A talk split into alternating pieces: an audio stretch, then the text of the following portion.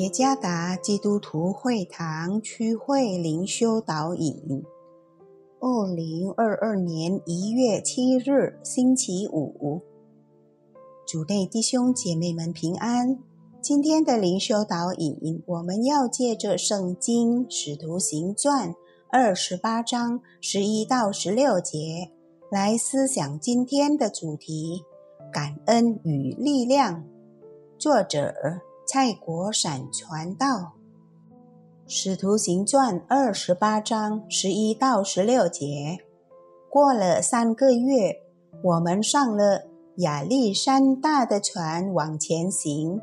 这船以宙斯双子为记，是在那海岛过了冬的。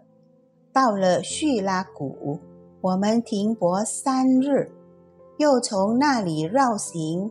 来到利基翁，过了一天，起了南风。第二天就来到布丢利，在那里遇见弟兄们，请我们与他们同住了七天。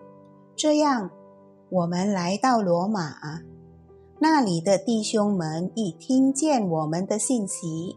就出来到雅比乌市和山馆地方迎接我们。保罗见了他们，就感谢神，放心壮胆，进了罗马城。保罗蒙准和一个看守他的兵另住在一处。新的一年，新的力量，是一首诗歌的歌词。我在以前的实习侍奉中绝不会错过，原因是每次进入新的一年，每个会众都需要新的力量，因为新的一年将面临新的挑战和困难，而处理各种问题和挑战所需要的生命价值是力量和耐力。一个人。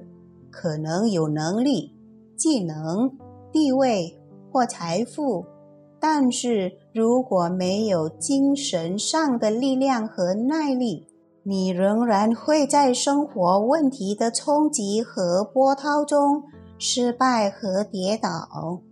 同样，信徒也需要内心的力量来面对生活的挑战。今天的灵修经文是关于保罗去罗马的旅程。保罗在他的旅途中花费了大量的时间和精力，经过了许多地方。参看十一到十三节，保罗要在罗马做的事工并不容易，困难和苦难在眼前。他身心俱疲，在十四到十五节中，保罗恢复了力量。他在罗马南部的普蒂奥利遇见了主内弟兄姐妹，并与他们同住了七天。到达罗马城后，他在那里新的地方遇到了主内的弟兄们。作者说。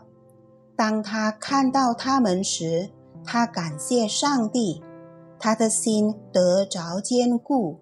所以，不是在获得力量之后，保罗感恩，但正是借着感谢，保罗才得着力量。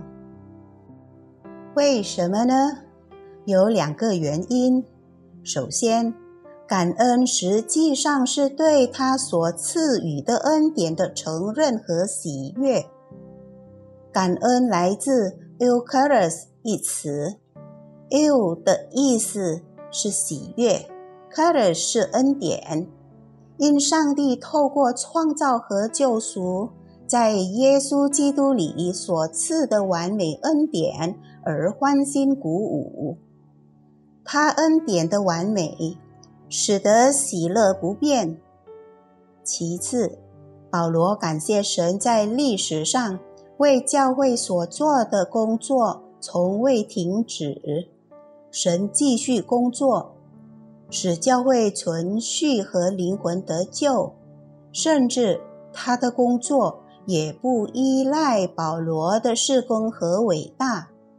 保罗只是他所使用的人之一，所以对保罗来说，即使他在罗马的事工失败或经历死亡，他也相信神的工作不会停止，直到末世。这让他欣喜若狂，又重新得到了力量。同样，在我们的生活中，不要只有在我们获得所需的力量时才感恩，而是要感恩上帝在耶稣基督里为我们提供的完美恩典。